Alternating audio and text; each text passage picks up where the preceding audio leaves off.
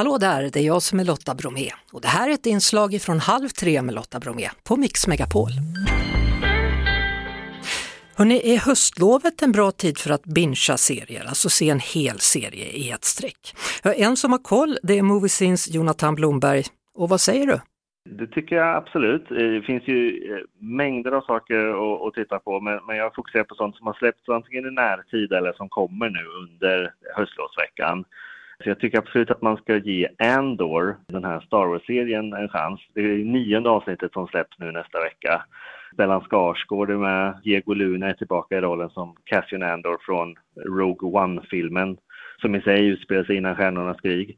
Den här är en väldigt vuxen Star Wars-produktion eh, som inte riktigt är så här bred och daltande som många av de här andra eh, produktionerna har varit och som blivit lite mera ja, sparsamt tagna emot utav publiken. Den här tycker jag man ska ge en chans. Andor alltså på Disney Plus och jag kan väl säga då precis som det du säger att den verkar vara en vuxenvariant. Jag har en kompis, en manlig sådan som tycker att det här är bland det bästa man kan titta på. Så att ja, visst.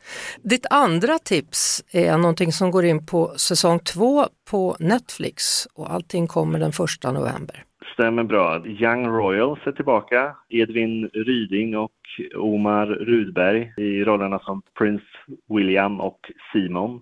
Första säsongen blev ju en supersuccé, inte bara i, Sverige utan även internationellt. De här killarnas sociala mediekonton har ju växt gigantiska på Twitter och sånt där, där ungdomar över hela världen har liksom mm. hittat den här serien. Jag såg också min dotter då, så att hon kommer bli jätteglad. Men det är smart att de lägger det i anknytning till höstlovet, den nya säsongen.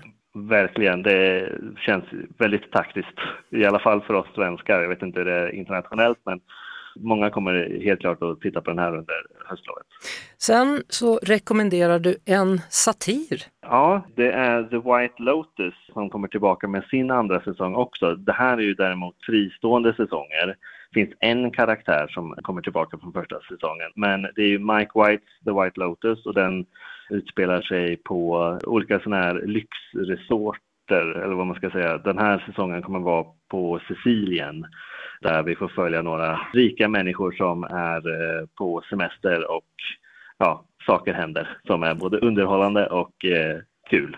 Alltså den här serien har ju fått väldigt mycket priser och väldigt många Emmys. Jag har inte sett den, men jag funderar på när du säger att det kommer ett avsnitt i taget nu, då kan man ju passa på om de är fristående från varandra, då kan man ju se första säsongen medan man väntar på det andra, om man nu kan ha flera serier i huvudet samtidigt. Absolut. Och det finns ju vissa småsaker som påminner lite i upplägget.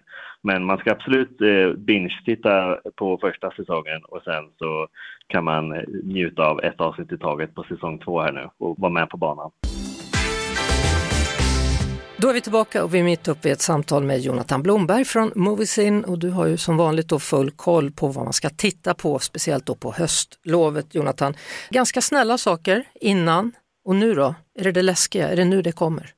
Ja, men det är ju lite halloween-tiden eh, på året och sådär, så att man passar ju på från streamingjättarna att släppa lite läskigheter också. Och eh, redan eh, den här veckan så kom ju Guillermo del Toros Cabinet of Curiosities. Guillermo del Toro är ju han som låg bakom eh, Pans labyrint och The Shape of Water och andra sådana här lite småläskiga arthouse-aktiga skräckfilmer. Det här är ju en serie där han själv inte har regisserat något utav avgiften men det är han som har liksom lyft fram de som har fått göra de här fristående avsnitten och delvis är vissa av dem inspirerade utav hans egna skräckhistorier. Så att den ska man absolut kolla in och jag tror att de flesta har nog missat den här och kan njuta av den nu på höstlovet istället. Sen vet jag också att det kommer en svensk film som bygger på en sann händelse, nog så läskig den. Mm, det är också en serie och det är Nattryttarna delvis baserat på de här verkliga övergreppen som skedde på ett ridcenter under 90-talet. Det blev ganska stort i, i medier när det uppdagades. Och, och, där har vi Jonas Karlsson och Hanna Ardén i, i två av huvudrollerna. Och eh, en av skaparna till den här är Ulf Kvensler som även var med och gjorde Vår tid är nu. Så att många kvalitetsnamn med på den här och en hemsk historia i grunden. Så att det kommer nog vara många som, som hittar fram till den här också. Första avsnittet släpps 31 då. Och förmodligen är det ju en, en jättesuccé. Nu går den då på svenska Simor men sen lyfts den ju upp då i TV4 så småningom. Det brukar vara så ja. Ska vi avsluta med något som inte är verkligt överhuvudtaget? Ja, lite skrämmande är det väl också om det nu är den här framtiden vi har framför oss. Och det är The Peripheral med Chloe Grace Moretz som eh, vuxit upp sedan hennes genombrott i Kick-Ass-filmerna för typ 12 år sedan. Men hon ja, kickar fortfarande ass i, i den här. Och det är en serie som Westworld-skaparna har varit med och producerat baserat på William Gibsons hyllade bok med samma namn. Då. Och den utspelar sig delvis lite i en närstående framtid och eh, typ år 2099 och hoppa mellan de två miljöerna. De är ganska dystra. Alltså det är intressant i och med att liksom jorden och miljöförstöringen förstör mer och mer.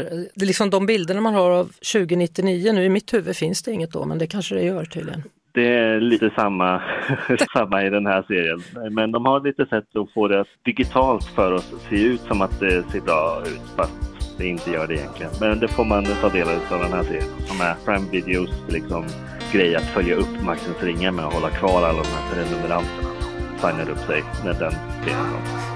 Jonathan Blomberg alltså från Moviesin. Stort tack för de här tipsen och ha nu, nu skönt då, i helgen i alla fall. Det ska jag försöka. Tack så mycket. Det var det. Vi hörs såklart igen på Mix Megapol varje eftermiddag vid halv tre. Poddtips från Podplay. I podden Något Kaiko garanterar östgötarna Brutti och jag, Davva, dig en stor dos skratt. Där följer jag pladask för köttätandet igen. Man är lite som en jävla vampyr. Man har fått lite blodsmak och då måste man ha mer. Udda spaningar, fängslande anekdoter och en och annan arg rant. Jag måste ha mitt kaffe på morgonen för annars är jag ingen trevlig människa. Då är du ingen trevlig människa, punkt. Något Kaiko, hör du på Podplay. Därför arkadeinerna.